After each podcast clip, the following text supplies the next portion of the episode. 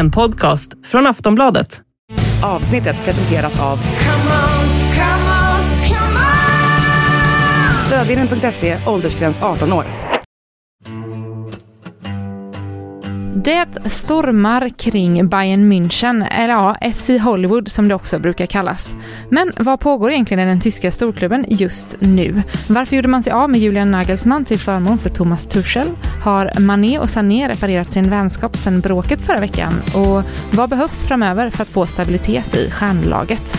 Med mig idag för att svara på detta har jag Makoto Asahara. Du lyssnar på Sportbladet Daily med mig, Julia Karlsson.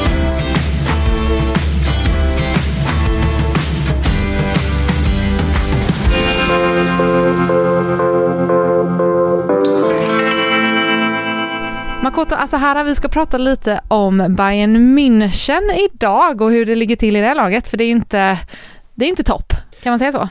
Nej, det är eh, stormigt kan man väl lugnt konstatera i FC Bayern, detta klassiska tyska, ja denna klassiska tyska storklubb som, eh, ja man är van vid att de bara springer hem Bundesliga, att de är med och slåss om alla titlar som, som finns. Nu ska vi säga att de kan ju mycket väl fortfarande springa hem Bundesliga i slutet mm. av den här säsongen. Men det har ju stormat under våren, det råder ingen tvekan om den saken. Nej, vi ska gå in lite på det strax, men om vi börjar lite historiskt. Eh, FC Hollywood slängs ju ganska mycket med när man pratar om Bayern München. Du kan väl berätta vad, varför kallas de så ibland? Ja, det, har ju, det är ju ett smeknamn som dykt upp på tapeten igen i och med då det som alla stormar som har varit kring klubben under sista tiden. Och det här var väl i grunden någonting, ett liksom smeknamn som dök upp i medierna runt 90-talet. Där Bayern München hade en ganska stormig period med väldigt många stjärnor med väldigt starka åsikter. Och det är väl där det har någon grund i på något sätt. Att du, om du har väldigt många stjärnor samlade på en plats, Bayern München har ju haft en särställning i, i Bundesliga och i tysk fotboll på så vis så har du också ett läge som är väldigt svårt att komma in som tränare i. Och Bayern hade en ganska frisk, eh, jag skulle inte kalla det sund, men i alla fall en frisk omsättning av tränare under en viss period. Där det då väldigt snabbt blev, liksom smeknamnet FC Hollywood blev, eh, ja på något sätt eh, kutym. Och det är ju, och det också så dök det upp en bild då under den perioden på att ja men Bayern är en klubb där spelarna har mer makt än tränaren. Och den här bilden har ju funnits anledning också att ta upp igen med tanke på det som pågått i klubben på sista tiden. Mm, om, vi, eh, om vi går in på det då, vad är det som um, har gått snett den här säsongen? Ja, var ska vi börja? Till att börja med så kändes det, det för från början kändes det inte som att det var någonting som gick snett. För vi ska komma ihåg att det, det viktigaste att ha med sig här är ju att för ungefär, vad blir det, knappt en månad sedan så valde Bayern München mer eller mindre från tomma intet att göra ett tränarskifte. Man sparkade Julian Nagelsmann, en ung tränare som, ja, så när en supertalang inom tränarvärlden man kan komma. En tränare som man plockade in med jättestora förhoppningar för, ja det blev ett och ett halvt år han fick sitta på posten drygt då. Eh, för att liksom ta in Bayern i framtiden på något sätt. Och eh, absolut, det har inte varit friktionsfritt med Nagelsmann. Hans första säsong i Bayern slutade med ett respass ganska tidigt i, i Champions League och han har inte riktigt fått nyförvärven som han har plockat in och inkorporerat i gruppen och så vidare. Det fanns mycket missnöje här runt omkring. Men att de skulle sparka dem i det läget de gjorde inför en ja, väldigt viktig ligamatch mot Borussia Dortmund efter att de då har vunnit åtta av åtta matcher i Champions League-spelet, för de ska komma ihåg, de slog ut Barcelona i gruppspelet, de slog Inter två matcher, de slog ut Paris Saint-Germain som vi har pratat om i den här podden tidigare också, mm. i, i åttondelsfinal. Så det var ändå ett Bayern som liksom tog ganska mycket kliv i rätt riktning, som ändå vann matcher och absolut inte var i någon sportslig kris. Absolut lite små hackigt i ligaspelet och Dortmund har precis klivit upp på serieledningen för stunden och, och så vidare. Men det här var ju känslan då att här storsatsar man. Man tog in Thomas Tuchel, eh, tidigare Chelsea-tränaren som fanns eh, aktuell på marknaden. Så man insåg att ja, men här har vi ett tränarnamn som vi verkligen vill ha. Och känslan var att man gjorde någon sorts liksom, ja, supersatsning där och då för att säkra trippen. Man går för Champions League, man går för ligan, man går för kuppen Och man insåg att här kan vi göra en förändring. Om vi inte tar Tuchel nu så kommer vi inte få Tuchel sen när andra klubbar också är ute efter honom. Och därav att man då gör den här abrupta förändringen mitt i säsong som ingen förväntade sig att de skulle göra. Så man kickar egentligen eh, Nagelsmann på grund av att man ville ha Tuchel, inte Det- att Nagelsmann hade gjort det så Det dåligt. är ju en kombination av det, men framförallt tror jag att det hade att göra just med att de ville ha in Tuchel där och då. Eh, De hade ju Tuchel klar när de valde att sparka Nagelsmann. Nagelsmann fick reda på detta Eh, på skidsemester i Österrike via media och eh, hastigt åkte då hem från den här semestern, satte sig i en bil, åkte till anläggningen, packade sina väskor och drog. Eh, där han fick då reda på ett möte som alla då bevakade. Här åker Julian Nagelsmann in för att få sparken. Alla visste om det. Han har bara läst det i media, kommer dit och visst fick han sparken. För honom var det ju en jättesmäll för det här var hans drömjobb. En tysk tränare som tidigare tränade RB Leipzig och såklart och öppet sagt att såklart han drömde om att träna Bayern München, det största, finaste du kan göra som tysk tränare. Eh, men hans drömjobb tog abrupt slut efter ja, ett och ett halvt stormigt år får man väl ändå säga, för det var ju som sagt friktion hela tiden mellan sportliga ledningen med Hassan Salihamidic och eh, sportchefen och Ali Khan och allihopa och Nagelsmann. Men det där, där och då säger man, okej, det här är abrupt.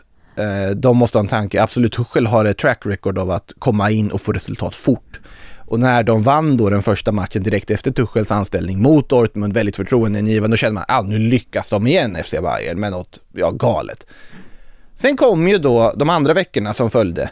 Det kommer ett cupsorti mot Freiburg, ett väldigt överraskande cupsorti, eh, när de åker ur i kvartsfinal i tyska cupen. Då är trippelchansen försvunnen.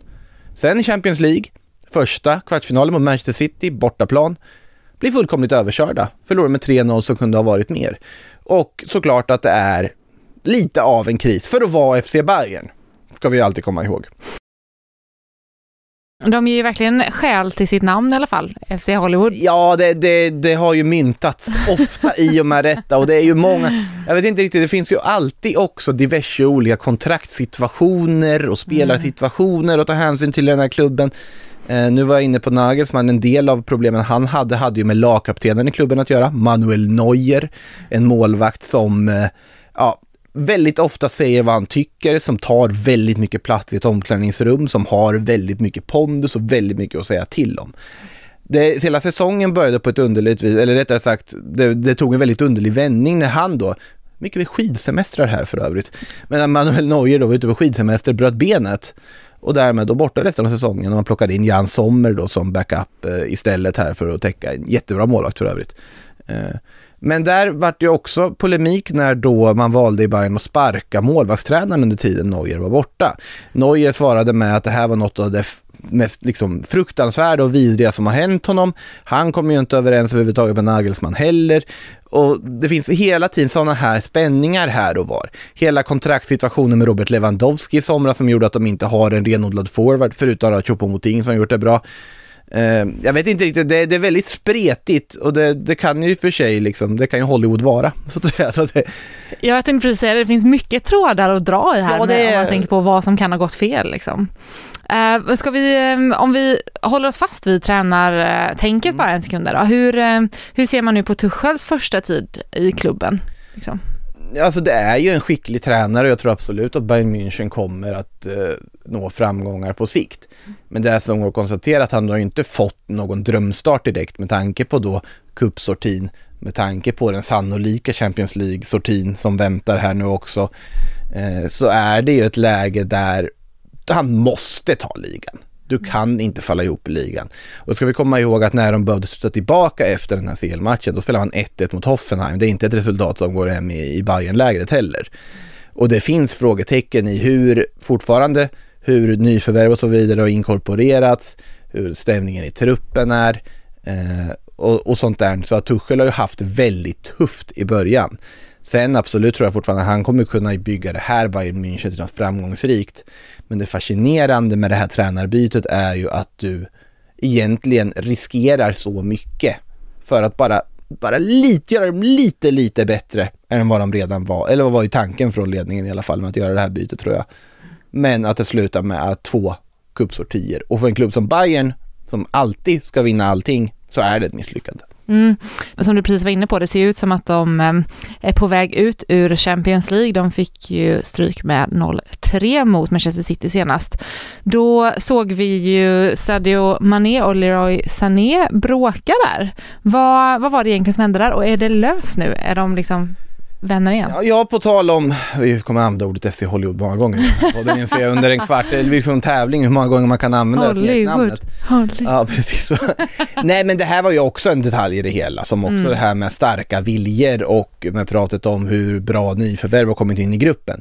När Bayern München värvade eh, Sadio Mané från Liverpool i somras, det var ju unisont hyllad av fotbollsvärlden som vilken värvning. Vi har alla sett hur bra Sadio Mané var i Liverpool, hur viktig han var för dem.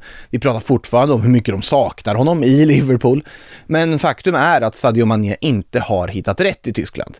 Han har ju ja, givetvis haft en hel del skadeproblem, skadeproblem som också höll honom borta från fotbolls-VM som var i höstas. Men fram, framförallt när han väl har spelat så har han inte kommit igång. Han har stundtals varit bänkad, han har inte imponerat alls på samma sätt som han eh, gjort tidigare. Och alltihopa kulminerade ju här i då en dispyt med en annan spelare som också inte heller nått sina toppar som man förväntar sig efter sin flytt till Bayern, det vill säga Leroy Sané. Och det var i matchminut 83 av den här 3-0 förlusten som det var någon passning som inte slogs, eller som slogs fel snarare, som fick då Mané och Sané att eh, diskutera och eh, ha ett ganska hetskt meningsutbyte. Det här fortsätter in i omklädningsrummet. Där då, ja, det otänkbara hände. Sadio Mané slog Leroy Sané. Ja, bara rakt av slog honom, knytnävsslag. Eh, man kunde se bilder på Sané efter med liksom eh, uppsvullen läpp och allting, att det här har hänt. De sitter där på middagen efter matchen, de har förlorat med 3-0, Sané sitter och håller för sitt ansikte för att liksom dölja allt det här. De fick ju separeras i omklädningsrummet. Och det var jätterörigt och det vart ju direkt massa skriverier. Vad kommer hända med Sadio Mané nu? Var det här det sista han gör i Bayern München? Kommer de sparka honom? Kommer de ge böter? Det slutade med att de stängde av honom i matchen mot Hoffenheim här nu. Eh, och gav honom en ganska rejäl böter får man säga. Det som har rapporterats är väl att det är över 3 miljoner kronor han fick Oj. böta för att då ha slagit sin lagkamrat i ansiktet. Eh, det ska ha reparerats, är väl det som har sagts, men samtidigt så florerar det hela tiden uppgifter om att Tuchel snarare kanske ja, som ju har kommit in mitt i, inte vill ha Mané i det här lagbygget. Han vill ha andra typer av mm. spelare och kanske då försöker sälja senegalesen här till eh, sommar. Men det här, hela den incidenten bygger ju på hela det här om att Bayern är en klubb som just nu på något sätt imploderar. Eh, på, på, i mångt och mycket. Det är en trupp som, där det finns mycket spänningar hit och dit. Det finns vissa spelare med vissa kontraktssituationer hit och dit. Det finns luckor i truppen hit och dit. Du har en pressad sportslig ledning Ja, men det är också, som sagt, det är ju fascinerande att följa för det här är en klubb som är så vana vid att vinna så mycket och vara så överlägsna och vara så framgångsrika. Och då krävs det ju nästan att de själva ska skapa kaoset för att de ska kunna vackla. Vad tror du skulle behöva göras för att få stabilitet i laget nu då? Om man blickar framåt. Ja men det är väl bara nu att gå på Tuchelspåret och förstå att det där kanske inte var det smartaste man har gjort, att göra den ändringen mitt i säsong. Jag vet inte om Tuchels Bayern München kommer bli mer framgångsrikt än vad Nagelsmans Bayern München skulle kunna bli på sikt. Det är omöjligt att svara på. Men där vi vet att Thomas Tuchel är en fantastisk tränare, där vi vet att Bayern München faktiskt har ett fantastiskt bra material. Så här gäller det väl att, ja, få någon stabilitet, ge Tuchel det han vill ha till sommaren också och ta nya tag.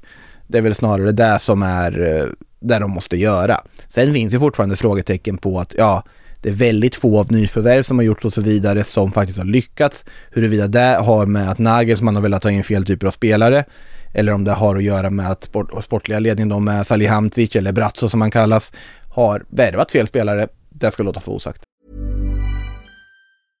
Ryan Reynolds here from Mint Mobile. With the price of just about everything going up during inflation, we thought we'd bring our prices down. So to help us, we brought in a reverse auctioneer, which is apparently a thing. Mint Mobile unlimited premium wireless. Ready to get 30, 30, bit to get 30, bit to get 20, 20, 20, bit to get 20, 20, bit to get 15, 15, 15, 15 just 15 bucks a month. So, Give it a try at mintmobile.com/switch. slash $45 up front for 3 months plus taxes and fees. Promo rate for new customers for limited time. Unlimited more than 40 gigabytes per month slows. Full terms at mintmobile.com. På tal om eh, storstjärnor och eh, spelare, hur mycket saknar Bayern en sån som eh, Robert Lewandowski? Ja, det är någonting som diskuteras väldigt mycket också i och med att det är ju trots allt en spelare som, ja, kastade in mål på skoj som lämnade. Och han lämnade ju under väldigt konstiga förhållanden i och med att det var ja, strul kring ett kontrakt som eh, hit och dit. Eh, Bayern München väntade, väntade, väntade med att erbjuda en förlängning. Lewandowski blev mer och mer och mer irriterad. Det här var ju då förra sommaren. Och det allting slutar med att nej, jag kommer inte förlänga nu när ni, när ni är så sena på att försöka erbjuda mig no någonting för att stanna. Bayern München inser, okej okay, vi kanske måste sälja då för att få in någonting, någon form av summa för den här spelaren. De får ut en ganska saftig summa till Barcelona. Också så här, Bayern München överlag har ju aldrig varit, de har väldigt ofta haft rotation på den här centrala anfallspositionen. Det är väldigt få spelare som hållit så länge och varit bärande så länge som Robert Lewandowski var på den positionen. Annars har det varit väldigt mycket, ja du har haft en forward ett år, sen nästa har du bytt till en annan och sen en annan och lite mer, väldigt kortvariga lösningar på nummer nio positionen. Lewandowski har snarare varit en, ja, konstant under väldigt många år. Eh, och det tänkte man, det han måste de ersätta. Samtidigt, Bayern München precis som många andra klubbar som inte har massa oljemiljarder och så vidare, eh, hade inte, känner inte att de har inte råd att gå ut och köpa en världsklassforward på det här sättet som, som man kanske skulle kunna tänka sig att de skulle göra. De valde att kanske hoppas på att Mané kan hantera den centrala rollen eller att Serge Gnabry eller vem som helst går in och gör det. Eller då Choupo-Moting, eh, fri transfer-kamerunen som eh, ja, varit helt briljant den här säsongen. Otroligt oväntat och lär väl få fortsatt förtroende nästa säsong också möjligtvis. Men det är ju inte en långsiktig lösning, det är inte en hållbar lösning. Och de lär gå för en ny anfallare i sommar för att såklart att Lewandowski har saknats. De kommer inte satsa på att få tillbaka honom liksom? Det blir inte någon Messi-historia? Nej, nej, nej, det fin, finns inte på kartan att han skulle komma tillbaka till Bayern. Nej, nej, nej, nej, det hade ju varit för mycket. Det, då är det ju Hollywood på riktigt. Man ska aldrig säga aldrig med Bayern München låter det som i och för sig, men um, om de inte tar Lewandowski då, vad ska de göra i sommar istället? Ja, det är ju väldigt spännande. Som jag nämnde så vill de ju ha in en central forward och de kopplas till väldigt många olika spelare. Sen är frågan, Bayern är ju en klubb med väldigt mycket liksom pride och sig själva. De kommer inte betala vad som helst för en spelare och de sätter sina krav och är väldigt duktiga i förhandlingar. Sen är ju faktum att, ja, Brass och sportchefen är pressad. Han har inte råd med att göra så många fel till. Mm. Och jag tycker på något sätt om de inte skulle ta ligan nu och säga att Dortmund skulle faktiskt gå om Bayern i slutspurten och ta den också då är det nästan läge för vissa i den sportsliga ledningen, kanske Brasso bland annat, att faktiskt kliva av sin post eh, för att ge plats till någon ny. Men det är ju också, problemet för Bayern är att det är otroligt mycket starka viljor som kolliderar. Det är ju där problematiken ligger. Det är väldigt många ledargestalter som alla vill skina mest och det här var ju någonting med Nagelsmann också som många i truppen tydligen ska ha påpekat att han var lite för självgod när det gick bra. Han tyckte lite för mycket om sig själv och eh, hyllade sig själv för mycket i situationer det gick bra och vice versa att han kanske skyllde ifrån sig när det gick sämre. Eh, det är mycket som rapporteras hit och dit från de tyska medierna givetvis om, om det här. Men ja, vad de ska göra i sommar om man ska ta den grundfrågan så ja, jag tycker de behöver värva en forward. Jag tycker de behöver värva en forward som passar Bayern München, som kan göra de här målen, som, eh, som funkar på sikt och så vidare. Eh, och annars så är det bara att ge Tuchel tid och chans och inte då lockas med i att hamna i någon form av tränarkarusell igen. För det är viktigt att det är Tuchel som är eh, den som styr i gruppen just nu och att det inte då är en massa andra viljor, om det så är i spelargruppen eller om det är i någon annan sportlig ledning eller vad som helst, som får styra klubbens riktning. Ja, det kommer säkert storma vidare om eh, Bayern München framöver kan jag tänka mig. Vi får se vad som kommer att hända. Eller så vänder de mot City och går vidare, för det är trots allt FC Bayern. Vi ska inte utesluta att de kan hitta en comeback där också, för det är en klubb som är väldigt vana vid att uh, vinna och uh, göra det omöjliga. Tack Makoto för att du ville vara med i dagens Sportbladet Daily. Tack. Du har lyssnat på en podcast från Aftonbladet. Ansvarig utgivare är Lena K Samuelsson.